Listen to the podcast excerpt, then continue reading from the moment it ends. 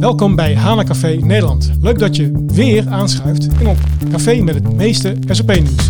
Gebracht door de SAP Community. Het is vandaag vrijdag 20 november wanneer we dit opnemen en helaas zitten we toch weer in een thuisstudio situatie. Uh, binnenkort hopelijk weer vanuit een experience center of een andere locatie. Maar we, daar is de pret natuurlijk niet minder voor. We hadden deze week eerder ook nog het Customer Success Event over echte projecten, echte verhalen. Ook over S voor HANA bijvoorbeeld. Maar daarover binnenkort meer in dit HANA Café Nederland. En op het menu vandaag staat S voor HANA.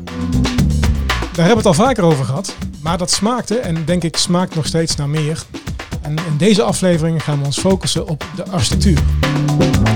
En daarvoor hebben we afgesproken met Maarten. Hallo Maarten.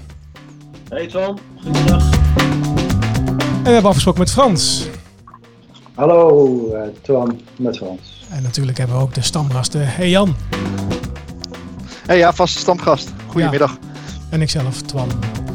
Ik denk dat het een mooi moment is. Uh, ook al is het wel erg lekker weer op dit moment. Als ik naar buiten kijk vanuit mijn eigen thuisstudio. Een soort bezemkast waar ik in zit. Uh, maar gaan we toch maar uh, naar binnen in het cafeetje. Dus wel zo gezellig. Als we even de deur achter ons dicht doen. Dat zou fijn zijn. Anders ja, dat was een nieuw belletje van. Die had ik nog niet eerder gehoord. Nee, ik denk dat je moet, uh, je moet blijven vernieuwen. Je moet blijven innoveren in deze, in deze podcast. Innoveren, ja, precies.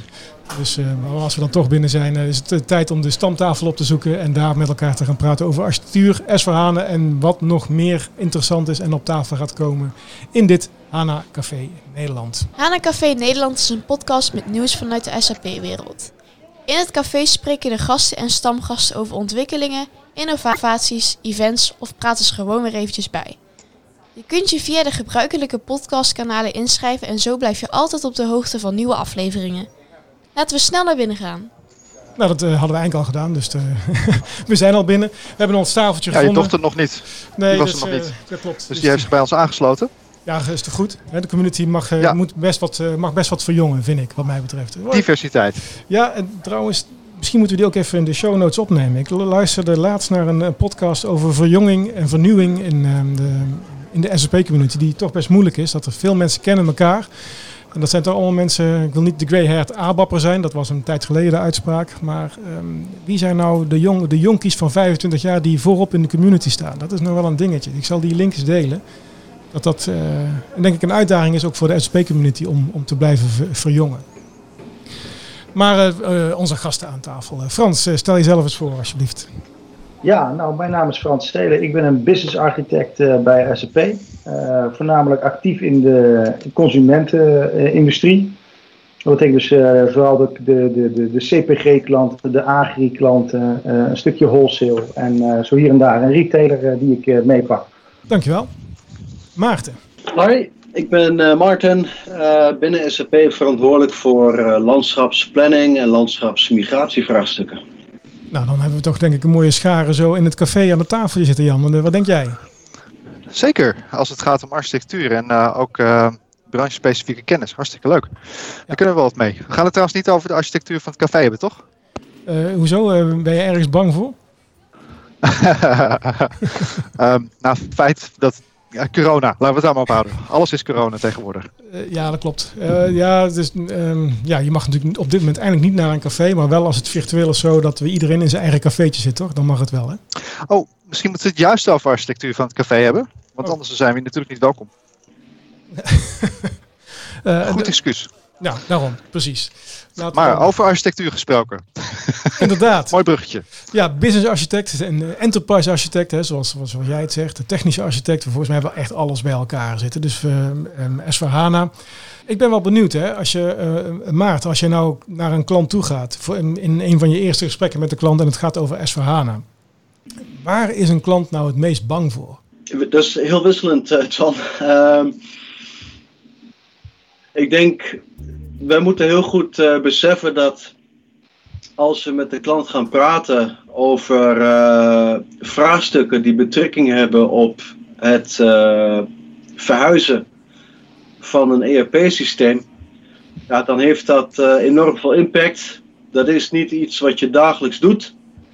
Dat heeft impact op processen, systemen, procedures en met name ook mensen.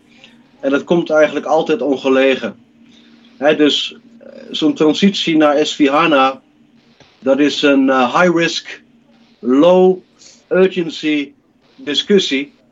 Dus er gaat heel wat uh, water door de Rijn uh, voordat we duidelijk hebben gearticuleerd wat de risico's zijn en hoe je je daar het beste tegen kunt wapenen. Frans, je zit wat meer aan de, aan de hè? business architect. Hoor jij andere of vergelijkbare geluiden vanuit de, de business users van een SAP-systeem voordat ze naar S4HANA gaan?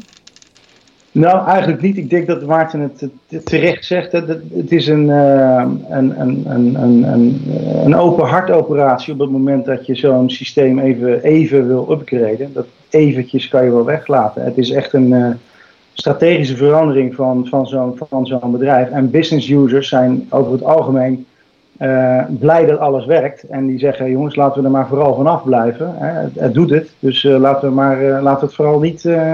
als het echt niet anders kan, doen we. Maar anders liever niet. En, en, maar wie neemt dan toch uiteindelijk dat besluit? Is daar iets over te zeggen, Frans?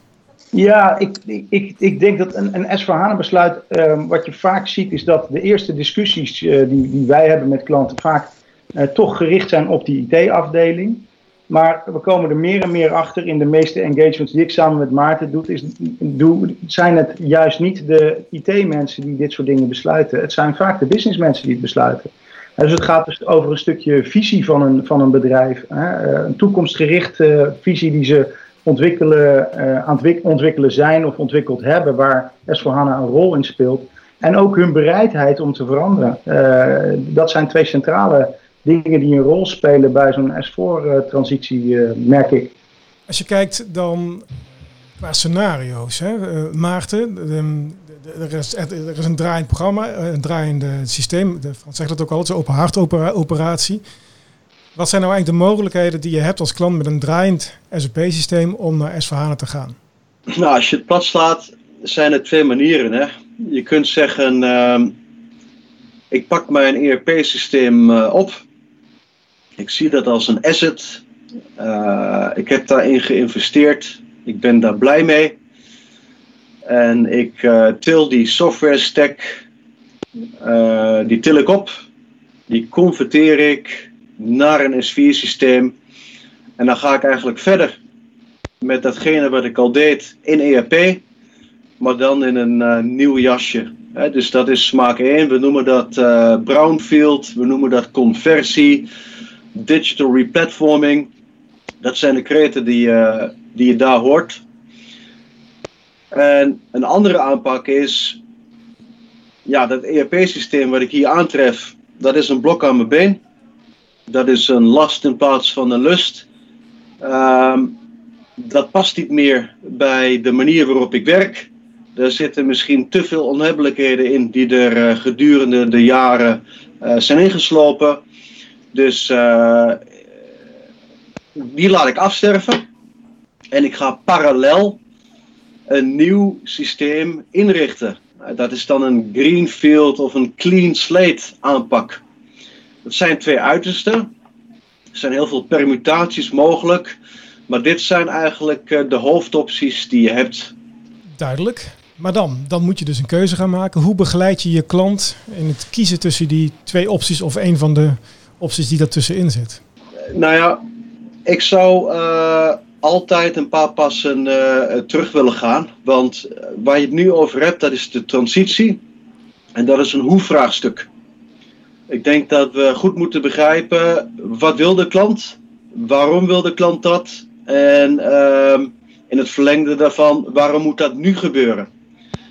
Want op het moment dat je duidelijk hebt uh, waar de pijn zit welke kant het bedrijf opgaat, wat de verwachtingen zijn um, en hoe dit kadert in uh, de bredere transformatieplannen die de meeste klanten hebben, dan kun je veel beter bepalen um, welke aanpak voor die klant het beste helpt om hun resultaten te verwezenlijken. Is dat dan waar jij um, bijvoorbeeld Frans met, met de business uh, mensen mee aan de slag gaat? Ja, vaak wel. De, de, vaak zie je ook eigenlijk dat, dat als we met, met, met, business, met, met business stakeholders spreken, dat we heel duidelijk ook richting krijgen. Nou, hier hebben we last van of dit willen we ontwikkelen.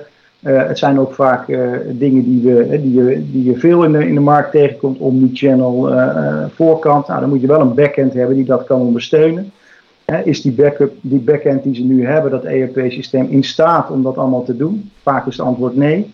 Oké, wat moeten we dan doen om, om die backend in een, in een staat te brengen waarbij we uh, de, de richting van die business kunnen, kunnen ondersteunen? Ja, want vaak, hè, ergens ook bij de, bij de, bij de introductie van S-verhalen werd gezegd, uh, de S staat voor simpel. Um, tegelijkertijd werd gezegd, het is zo totaal anders dat iedereen dacht van het is helemaal niet simpel. We gaan naar een ander datamodel en we gaan naar een ander soort, misschien een manier van processen doen. Denk maar aan een MRP-run die in één keer binnen seconden kan in plaats van binnen, binnen dagen. Dan denk ik dat je dus als je, kijk, klanten hebben in het verleden ERP, SAP geïmplementeerd. Als ze het nu over het vraagstuk s gaan, denk ik dat ze ook een andere projectaanpak moeten kiezen. En andere parameters naar voren moeten halen om, tot die keuze te komen. Op dat? Ja, ik denk dat je daar wel gelijk in hebt. Maar toch nog even terug over, over de S van simpel. Hè. Wat, ik, wat, wat ik vaak zie in de gesprekken die ik heb met, met de klanten, is dat vooral de IT-partners waar wij mee spreken, die zijn bang voor die complexiteit. En wat, ja, het is waar, er zit complexiteit in die, in die, in die conversie. De, de, de architectuur is anders. Er, gaan, er moeten dingen significant anders plaatsvinden in een S4-systeem eh, dan dat nu plaatsvindt in een, in een, in een ECC-systeem. Maar als ik dat even weer terugvertaal naar die business-eindgebruiker.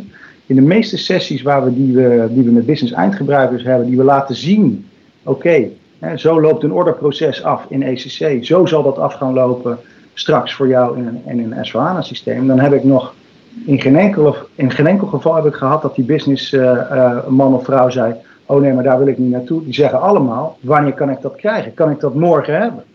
Dus ik zie dat die bereidheid voor, voor, voor, voor verandering, als we het ze laten zien vanuit, voor, die, voor die business eindgebruiker, wel, deel, wel, wel degelijk die simplicity is die S4HANA kan bieden, dat dat wel degelijk aanslaat. Maar hoe laat je dat dan zien als je nog je kunt niet iets laten zien wat er nog niet is? Dus hoe, laat je dan, hoe neem je ze dan mee? Ja, ja toch is mijn gevoel, in, in, mijn optiek is toch wel vaak het, wat, wat uh, de, de, de proof of the pudding is in the eating, zeggen ze dan in het Engels. Dus, en en ik, daar, geloof ik ook wel, daar geloof ik ook echt wel in. Dus we moeten die klant laten zien hoe dat dan ook daadwerkelijk eruit ziet in, het, uh, in, in, die nieuwe wereld. Dus ik gebruik daar inderdaad vaak demo-systemen voor met, met collega's die daar heel goed in zijn om ze een deel van een proces in S4HANA te laten zien. Eh, eh, om echt het verschil ook aan te kunnen tonen tussen, tussen de wereld waar ze nu gewend aan zijn, maar ook de wereld die er mogelijk is. De art of the possible te laten zien. En dat werkt in mijn optiek vaak heel goed. Uh, Maarten had het over een, een, een, blok aan het been. Hè? Dus dat is blijkbaar, een, als ik dan zelf nadenk aan de, de tijd dat ik net de SAP-wereld in, inliep. En daar ging over regionale implementaties van SAP. Het was niet zelden dat één klant meerdere SAP-implementaties deed. Eentje voor Nederland, eentje voor België, eentje voor Frankrijk, nou enzovoort, enzovoort, enzovoort. Dat werd op den duur toch wel heel erg ingewikkeld. Zeker als daar ook modificaties aan het systeem aan toegevoegd waren. Zijn er nog meer voorbeelden van blokken aan het been te bedenken waar we toch even wel rekening mee moeten houden als je naar S4HANA gaat? Ja, ik denk ehm, als je een kijkje neemt naar een ERP-systeem van een klant, ehm, dan tref ik meestal een systeem aan wat uh, al een tijdje meegaat.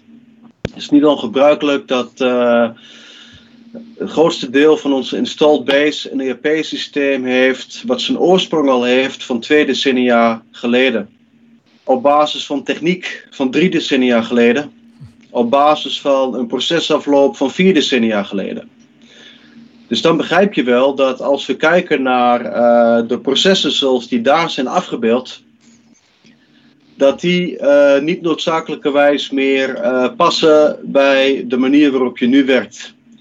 En wat we typisch doen uh, in die eerste verkennende discussies, die Frans dan ook met name voert vanuit zijn rol, is dat we afpellen wat is de stand van zaken als het gaat om de organisatiestructuur. Hoe is jouw organisatie gemodelleerd in het SAP-systeem? En past dat wel bij de manier waarop je zaken doet? Hoe zit het met je rekeningsschema, met je profit center hierarchy, je cost center hierarchy, je kalender, je sites, je plans, je distributiekanalen? Klopt dat allemaal nog? Vaak is het antwoord nee. We zijn best wel druk om extra comptabel allemaal correcties te maken, om dat toch weer congruent te maken met de, met de manier waarop we nu zaken doen. Want het is in de SAP-wereld heel lastig om fundamentele aanpassingen te maken in die organisatiestructuur als je dat systeem transactioneel gebruikt. Dus dit is de eerste as. De tweede as heeft te maken met uh, de procesinrichting. Hoe blij uh, ben je met de manier waarop de processen zijn gemodelleerd? Vaak zien wij, ook bij de meest geavanceerde bedrijven, dat hele banale processen nog, nog best veel ruimte voor verbetering bieden. Juist omdat die zijn ingericht met de kennis van ja, 20, 30 jaar geleden. Ook als we kijken naar de data, eh, de kwaliteit van de stamdata, de kwaliteit van de transactionele data en ook de hoeveelheid data, dan is dat een dimensie die we meenemen om te bepalen, moeten wij bijvoorbeeld 28 terabyte aan informatie wel proberen om te karten naar S4? Of is het misschien nu beter om afscheid te nemen van die historie? Wil niet zeggen dat het niet meer relevant is, maar het hoeft niet noodzakelijkerwijs meer in S4. En de laatste as is wat wij noemen de repository, dus de plek waar de programma's, de data dictionary objecten, de tabelstructuren, de rapporten bij elkaar komen. Wat ik vaak zie is dat uh, er vaak meer huisvlijt is gebouwd dan strikt noodzakelijk. Wat interessant is, is dat er vaak een negatieve relatie bestaat tussen de hoeveelheid maatwerk en de gebruikerstevredenheid. Lees, hoe meer maatwerk, hoe ontevredener de gebruikers. Terwijl het maatwerk initieel gemaakt is om de gebruikers tevreden te stellen. Exact, exact. Dus dat is altijd de paradox. En ook dit is uh, belangrijk om te beseffen. Uh, welk deel van het maatwerk is nog uh, relevant? Is dat niet al lang opgelost in de standaard? zijn er niet veel elegantere manieren om dat maatwerk ehm, aan te brengen? En moet dat wellicht niet ontkoppeld worden van ons ERP-systeem? Dus dit zijn even hoog over de vier dimensies die Frans en ik meestal meenemen in onze gesprekken. Frans, ik weet niet of je nog toevoeging hebt. Nee, dat is helemaal uh, precies uh, perfect samengevat. Maar... maar dat klinkt wel als een enorme kluif werk trouwens. Om al die assen te bekijken en uh, daar doorheen te gaan, zeg maar. We hadden vorige week, hadden we, vorige week, was het twee weken geleden, hadden we een spreker van Xperi die zei van ja, weet je, dat kun je allemaal tijdens de transitie gaan doen naar S4. Wat je ook kan doen, is gewoon eerst overgaan. En vervolgens ehm, pas naar die, die assen kijken en alles wat, uh, al het, het, het, optimaliseren van bedrijfsprocessen, het uit uh, S4 halen van maatwerk. Ze noemden dat eerst draaien, dan verfraaien. Hoe staan jullie daar tegenover? Neem jij maar het over. ik vind het wel een uh, heel pakkend motto. En weet je, ik ben, ik ben er geen fan van. Ik spreek even op persoonlijke titel natuurlijk. Ik ben er geen fan van. En om dat punt duidelijk te maken, denk ik dat we even twee minuten moeten luisteren naar een andere Frans. Die een heel leuk filmpje gemaakt heeft over mobiel bellen. Je kent dat ongetwijfeld, 1998 Amsterdam. Ik deel mijn scherm even, Twan. Ik deel ook mijn geluid. En dan luisteren we daar even twee minuten naar. Ja. En dan is het punt, denk ik, voldoende gemaakt. We zullen de link ook opnemen in de show notes. Oké. Okay. Ik ben heel benieuwd. Ik ook. Twan ook. Zeker. Toch dan? Bring it on. ja, even kijken of de techniek het allemaal uh, toestaat. Ja, dat, ja, dat soort dingen, dat, dat, dat, kan allemaal maar in het Hanencafé. Ja, dat is er worden gewoon even laptops op de kroeg, uh, op de bar gezet. Ja. Om even te laten ja. zien hoe dat er in 1998, zei je? Hoe dat er in 1998 naartoe gaat, aan toe ging. We gaan terug naar 1998. Frans Bromet doet een interview van een aantal uh, Amsterdammers. Hallo? Met Sandrine. Ja, hallo? Hallo? Hallo? Heeft u een mobiele telefoon? Nee, nee, nee. Waarom niet? Nou, dat heb ik niet nodig. Want, uh, Ik word toch niet uh, gebeld zo. Heeft u een uh, mobiele telefoon? Nee hoor, heb ik niet. Waarom heeft u er geen? Nou, ik zie er nut niet van in. U ziet er het nut niet van Absoluut in? niet. Vindt u het belangrijk om altijd bereikbaar te zijn? Ook niet. ik ben niet zo belangrijk.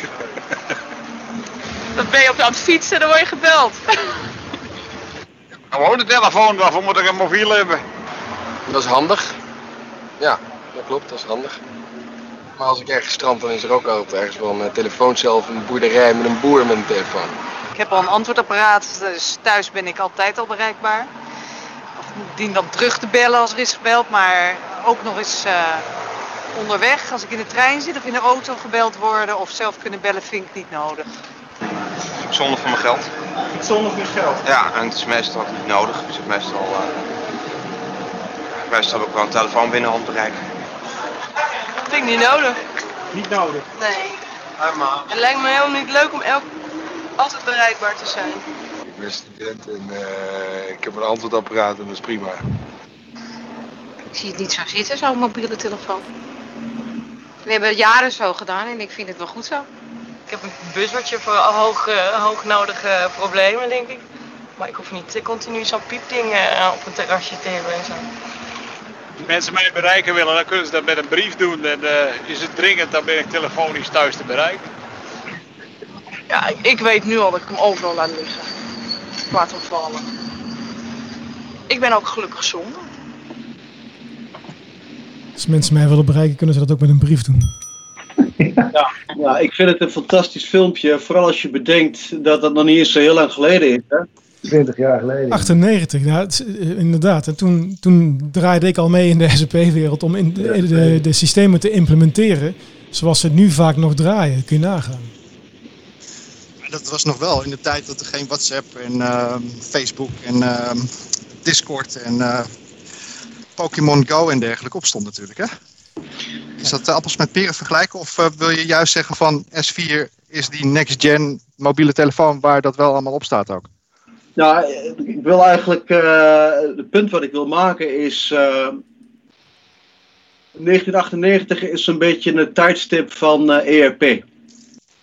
Dus als je een conversie doet, dan neem je eigenlijk alles mee wat je hebt in ERP. En er is een leuke vergelijking die zegt: New technology plus old processes is complex old processes. Met andere woorden, uh, ik werk af en toe ook als de-escalatiearchitect. De meeste de-escalaties die ik heb gehad de laatste tijd hebben te maken met klanten die zeggen: SAP, ik heb prachtige demo's gezien en nou zit ik erop en ik word er niet warm of koud van.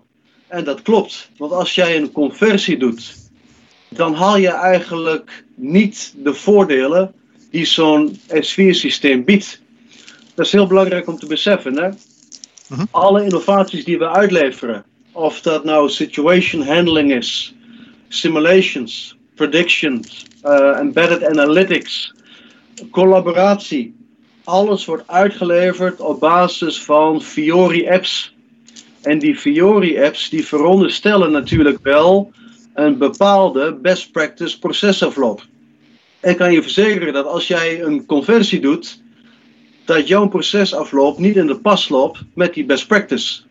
Dus je bent niet in staat om de voordelen uit te nutten. Sterker nog, ik heb gezien dat de gebruikerservaring er in de regel wat op achteruit gaat, omdat we uh, klanten dwingen om selectief Fiori-apps aan elkaar te rijgen met klassieke GUI-transacties.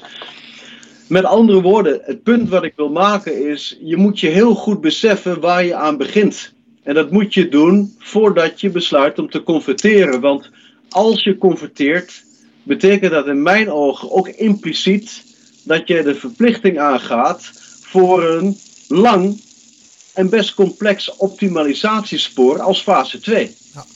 Ja. Ja, snap ik. Ter nuance wil ik wel even aangeven dat, dat Gijs inderdaad wel zei eerst draaien dan verfraaien. Maar in zijn plan zat altijd meteen nadat ze draaien, meteen het verfraaien opstarten. Dus dat zat, ze gingen live en meteen gingen ze dan doorpakken op het gebruik van de Fiori applicaties. Maar het is een, het is een en daardoor, en vond, daar was ik al van onder de indruk dat hij implementaties deed die twee, drie maanden duurden. Dat is natuurlijk ja, wel, dat is ja, ja oké, maar wa- wat heb ik dan bereikt? Eh, Stel je voor dat een van die optimalisaties is dat mijn rekeningsschema moet worden aangepast. Ik kan je verzekeren, Twan, dat als je net geconverteerd hebt, je bent live met het systeem en je wilt dan naar een nieuwe chart of accounts, ja, dan kun je weer een heel lang eh, project eh, te, te, tegemoet. Sterker nog, je moet de hulptroepen inschakelen van eh, DMNLT. Dus dat is niet altijd een aanpak die werkt. Nee, dus het, het is ook, ik, misschien wel een grappig woord, het is ook maatwerk denk ik per case. Dat je dus gaat kijken van, eh, wat, wat jij net zegt ook, eh, Maarten, wat Frans ook zegt, van we gaan eerst goed onderzoeken wat, eh, welke businessprocessen zijn er. Misschien zijn het inderdaad oude processen die inmiddels al lang vernieuwd zijn binnen de nieuwe SVH-omgeving. En dat moet je natuurlijk wel meenemen in je vooronderzoek. En daar op, op basis daarvan maak je keuzes. En ja, dat, je moet de dingen wel bij elkaar brengen. En dat is bij de ene klant denk ik anders dan bij de andere klant. Zeker. En, en op zich, hè, want ik zit er niet zo sterk in als Maarten. Ik vind op zich, hè, eerst draaien dan vervrij. Ik vind het best een leuke hè, land and expand. eh, eh, een, een, een, op zich een techniek die helemaal niet verkeerd is. Wat, eh, wat, wat ik wel met Maarten in die zin eens ben, als je dan draait, zorg dan dat je in ieder geval één of twee plekjes hebt in, in, in dat systeem waar je alvast wel kan laten zien aan de buitenwereld wat dan die waarde van S4HANA daadwerkelijk is. Bijvoorbeeld in de finance of waar, waar dan ook. En dus dat je ergens begint en dat je inderdaad dan vervolgens sequentieel al die stukken eh, beet gaat pakken. Dat Ja. kan natuurlijk zeker een goede, goede methode zijn. Ja, precies. Ik denk ook dat het heel, in het vooronderzoek belangrijk is. De business zegt, hey, het draait, dus waarom zou ik dan veranderen? Dus je zal in het vooronderzoek ook ergens moeten aantonen waarom je wilt veranderen, wat het dan beter is. Juist. Ja. Trouwens, en er Maarten- zijn altijd ook businessgroepen, denk ik. Er zijn in zo'n, binnen één bedrijf is niet één business, er zijn meerdere businesses. En, en de ene business is altijd meer bereid om te veranderen dan de andere, als ze daar de waarde voor, voor, voor zien. En dus dat, dat is een, een- absoluut ook een, een voordeel van deze techniek. Dat je kan zeggen, van, nou ja, met de, met de businessgroep die er wel zin in heeft, daar beginnen we mee. En de andere die, we nog, die het nog even niet zien zitten, nou, die laten we even voor, eh, voor wat het is. Ja, dus, hoe bedoel je dat dan? Ook eh, na de implementatie of is dat in het Nee, nou ja, die doe je op een later tijdstip. Hè. Dus dat je bijvoorbeeld zegt, nou, ik begin mijn eerste conversie doe ik bijvoorbeeld met finance. En logistiek, die, eh, die hou ik eigenlijk zoveel mogelijk ehm, as is. En dan op een later tijdstip, eh, als, als logistiek er ook klaar voor is, dan ga ik, eh, ga ik, met, eh, ga ik de optimalisatieslag aan binnen, binnen de logistiek. Om daar het maximale uit S4HANA te, te halen. Ja, draaien er dan twee systemen naast elkaar of ga je met finance Nee, nee. wel? Oké, dus logistiek nee, je dus de... gaat wel echt, je gaat wel echt naar S4, eh, technisch. En dan voor één afdeling, laten we even zeggen, finance, maak je gelijk ook de slag waar de waarde van S4HANA eh, direct zichtbaar is voor die afdeling. En daar ze ook gelijk het gebruik van S4HANA hebben in volle, in volle glorie. En voor, eh, voor een andere afdeling, bijvoorbeeld de logistieke kant, daar eh, zorg je dat de, de business impact wat minder groot is. En dat die eigenlijk nog met hun, hun huidige processen door kunnen werken. Zolang als ze dat prettig vinden. Ja. Eh, Maarten, je had het net over, ehm, dat vond ik wel een mooie uitspraak die je deed. Ging over een aantal decennia. Hè? Dus dat mensen, ehm, volgens mij ging je op een gegeven moment vier decennia terug. Dus als je dan voor het eerst naar S4HANA kijkt, dat is dan volgens mij een enorme gap met, met wat je nu doet en wat het systeem gaat doen. Er zit natuurlijk heel veel innovaties in. Die, ja, waar mensen misschien nu omheen werken, hè, met, met Excel en weet ik veel wat allemaal. Dus hoe, hoe gaat het verwachtingsmanagement van, van gebruikers eh, hoe neem je ze mee in die totaal nieuwe wereld met Fiori-applicaties waar misschien wat machine learning op de achtergrond speelt, eh, waar je met een eh, co-pilot tegen SAP aan kunt praten. Hoe neem je die mensen daarin mee? Ja, verandering is moeilijk, punt. Maar verandering ten goede is minder moeilijk. Hè, dus ehm, precies wat Frans eerder zei, show and tell is een heel belangrijk concept. Hè? We zijn afgestapt van eh, de maandenlange eh, blueprint fase, waarin we vanuit de ivoren toren bepalen hoe de procesafloop gaat, welke capabilities waar worden eh, belegd. Je ziet dat de gebruiker nu een veel prominentere rol heeft. En door gebruikers heel vlot mee te nemen in zo'n transitiefase, door te laten zien wat de mogelijkheden zijn, door heel duidelijk te articuleren welke van de pijnpunten die je hopelijk hebt opgehaald kunnen worden opgelost en op welke termijn, dan zie je dat zij ook veel meer openstaan uh, voor zo'n verandering, die ook een beslag legt op, uh, op hun werkzaamheden, hè? Ja. bovenop het reguliere uh, werk wat ze al doen. Maar ik denk die fit to standard aanpak die wij hanteren, die heel duidelijk ook laat zien welke voordelen er te behalen zijn, die helpt zeker mee om dit proces te bespoedigen. En bedenk daarbij één ding. Mensen die nu met ERP werken, die werken met uh, klassieke GUI-transacties. Dat zijn expert-transacties, hè, waar vaak uh, vijf tot wel tien verschillende persona's gebruik maken van één en dezelfde transactie. Dus het is heel complex om te bepalen wie wat moet doen. Terwijl als je kijkt naar S4, dan is het een setje van ja, consumer grade applicaties. Denk aan je eigen telefoontje je hebt ook nooit instructies gehad over hoe je de individuele apps die je hebt gedownload moet gebruiken. Dat is met Fiori niet veel anders. Die zijn op maat gemaakt voor specifieke persona's. Daar zit een hele duidelijke workflow in. Dus dat is veel makkelijker te consumeren. En hier kunnen ook uh, onze partners en, en, onze klanten zelf natuurlijk ook enorm veel baat hebben van bijvoorbeeld de, de Cloud Appliance Library, cal.sap.com, waar, waar je gewoon eigenlijk in, in een, eh, met een paar knappe koppen vrij snel een, een, een draaiend nieuw s systeem voor een bepaalde industrie zo draaiend kan krijgen met testdata en alles erop en eraan. Waarbij je gewoon heel snel kan laten zien aan die eindgebruiker: kijk, dit is, dit is, dit is je voorland. Nee, je kan gelijk laten zien, zo loopt het standaardproces dan af. Seeing is believing is dan wel heel erg makkelijk gemaakt. Ja, ja. ja. Ja, nou, in mijn ervaring, in, maar goed, dat was voor, voor de S4 en ik door elke upgrade, dan was weer dezelfde discussie van hé, hey, er is een stapel maatwerk gemaakt, hè, de, de Z-dingetjes. Uh, en het was altijd, dat, viel, dat voelde bij heel veel klanten als kindjes. Ja. Hoe, hoe, hoe is die discussie nu? Ja, het is nog steeds wel, is nog steeds aanwezig. Uh, daar, daar, kom je niet helemaal omheen. we kunnen natuurlijk wel, en dat is natuurlijk ook echt een belangrijk onderdeel van zo'n transitie jongens, laten we kijken of we, uh, en, en Jan, jij weet er ook alles van, uh, laten we kijken of we die stukken enhancements die we hebben op die core, dat we die eruit kunnen tillen en op een cloud platform kunnen deployen, dat we die onafhankelijk neer kunnen zetten en kunnen laten draaien. Ja, en, Jan, is dat, is dat dan de vraag van, hey, ik heb hier maatwerk in mijn oude systeem, ik ga naar S4, kan ik dat oude maatwerk even naar cloud platform brengen? Nou, dat, zo, zo sterk wil ik het niet zeggen. Um, nou, ik, dat, dat, en dat, wel, sluit wel mooi aan op het uh, verhaal van, van Maarten, denk ik. Daar vindt ook een hele uh, rationalisatie plaats. Het is ook niet zo dat je zomaar klakkeloos je maatwerk over gaat brengen. Net zoals dat SAP zeg maar, de software niet meer klakkeloos van ERP naar S4 heeft gebracht. En daar duidelijk na heeft gedacht over hoe zit het in elkaar met transacties versus persona's. Uh, moet je dat met maatwerk eigenlijk ook doen. En je moet eigenlijk kijken van nou, welk maatwerk heb ik nog nodig? Die zetrapportages. Kan ik die nog, moet ik die nog steeds in ABAP doen? Of heb ik daar tegenwoordig embedded analytics voor? En dat stukje van HR, ja, uh, dat was een HR-rapport. Ondertussen zitten we misschien op SuccessFactors. Moet dat niet gewoon weg? Dus het zijn allemaal dat soort uh, beslissingen waar je doorheen moet. En dan heb je natuurlijk nog een stukje maatwerk wat je nou over hebt. Sluit het nog wel aan op de hele beleving die je in S4 krijgt? Of moet je daar ook wat mee? Ga je in S4 je processen zodanig aanpassen dat het stukje maatwerk ook eigenlijk heel anders moet? Dus dat heeft een stukje rationalisatie nodig. En wat je dan heel vaak ziet, is dat het maatwerk er toch heel anders uit komt te zien dan dat je dat in, in oorsprong had. En op het moment dat het er toch anders uit komt te zien, ja, en dan is die stap van herimplementatie van dat stukje maatwerk ook niet zo gek meer. Dus dan pak je het cloud platform erbij, zet je het erbij in een, in een geïsoleerd uh, stukje, stukje van het cloud platform, zeg maar. Zodat het een andere release cadans krijgt, ook als je ERP-systeem. En dan kun je met dat stukje maatwerk kun je eigenlijk gaan innoveren.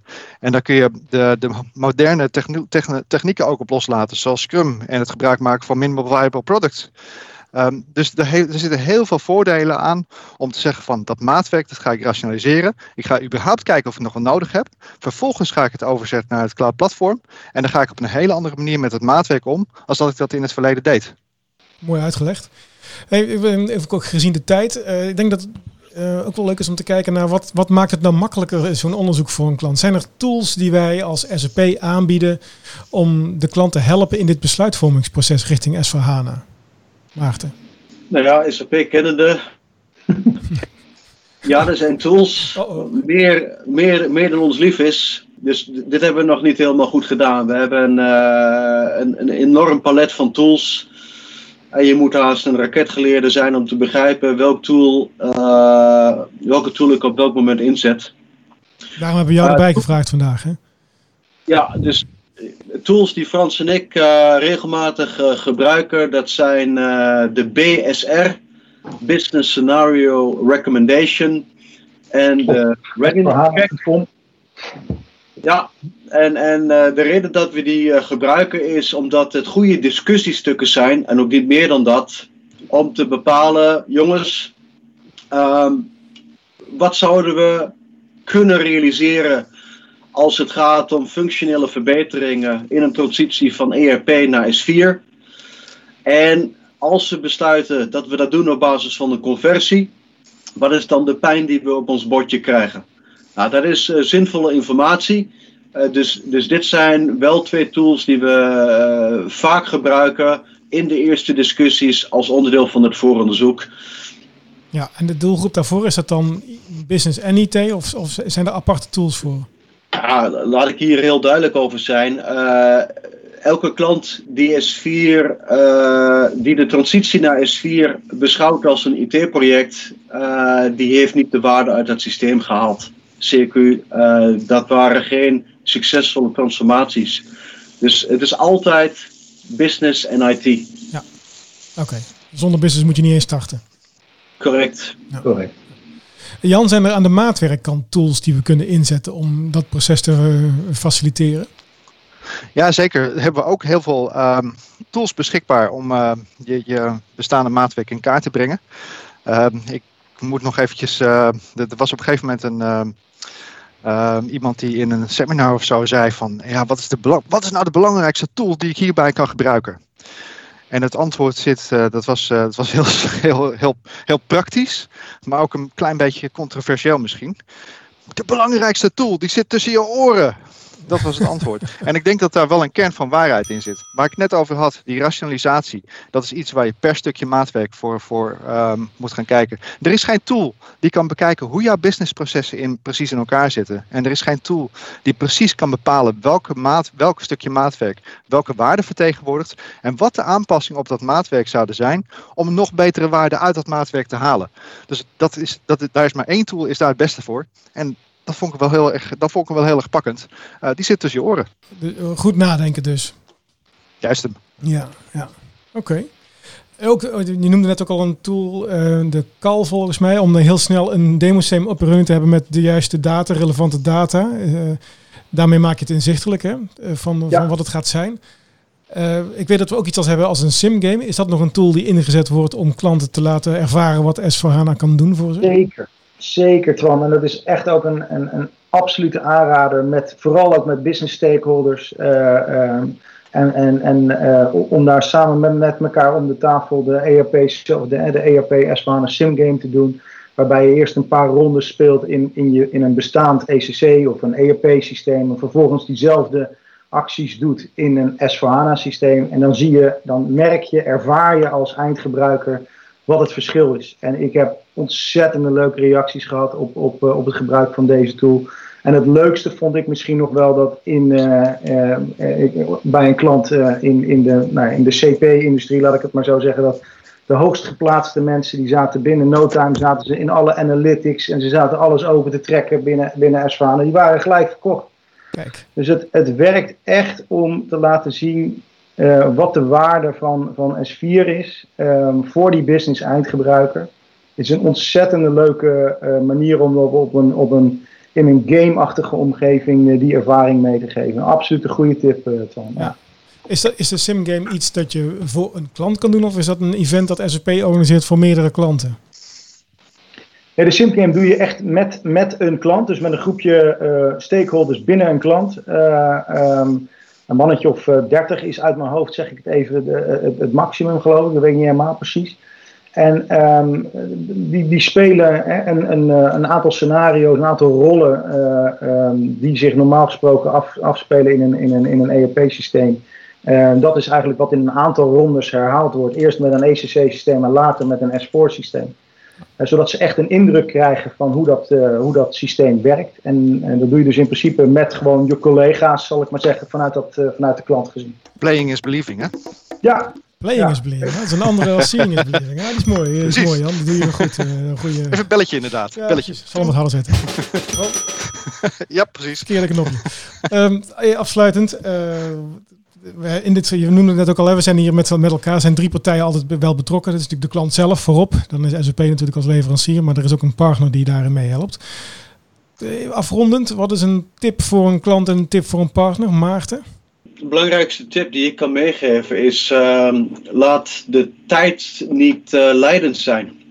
Wat ik daarmee bedoel is: eh, trek echt even serieus tijd uit voor het vooronderzoek. Betrek daarbij alle relevante stakeholders.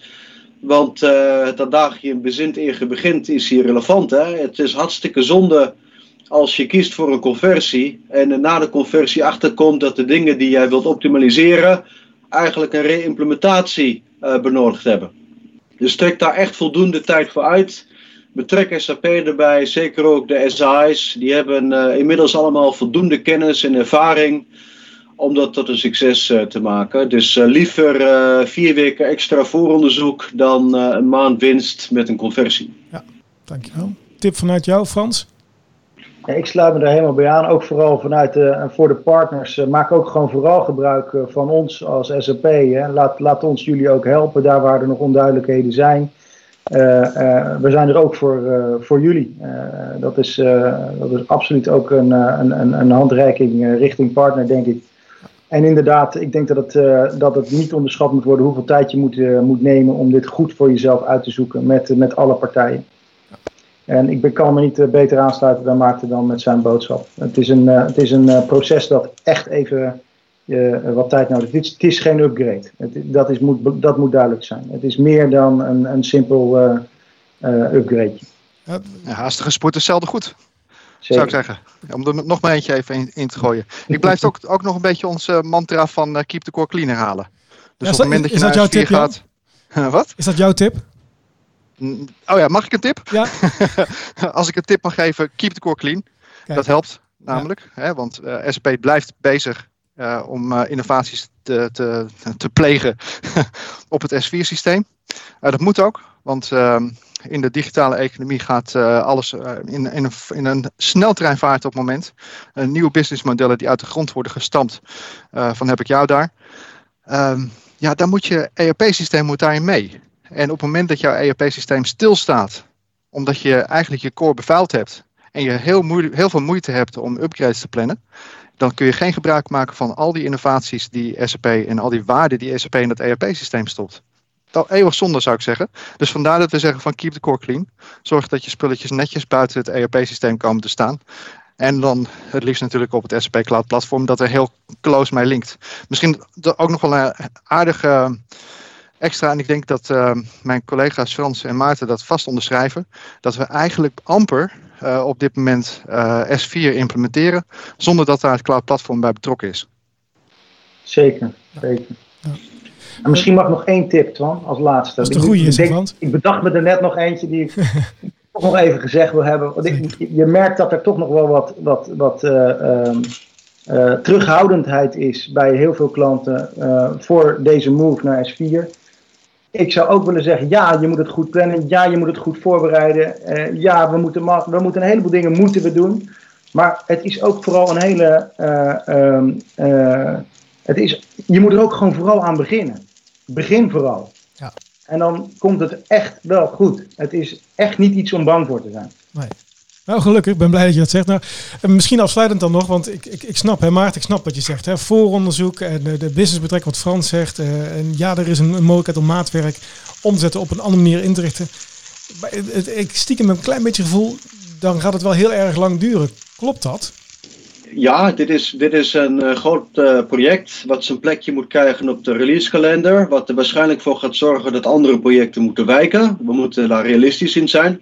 Aan de andere kant hebben we ook wel heel veel tools, accelerators, methodieken beschikbaar die eh, goed kunnen versnellen. Ja, we noemden al eerder de show-and-tell aanpak, fit-to-standard procesafloop.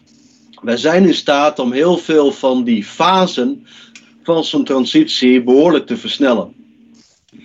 Oké. Gemiddelde, hè, gemiddelde uh, S4HANA implementatie duurt geloof ik tussen de, tussen de 10 en 12 maanden uit mijn hoofd. Oké.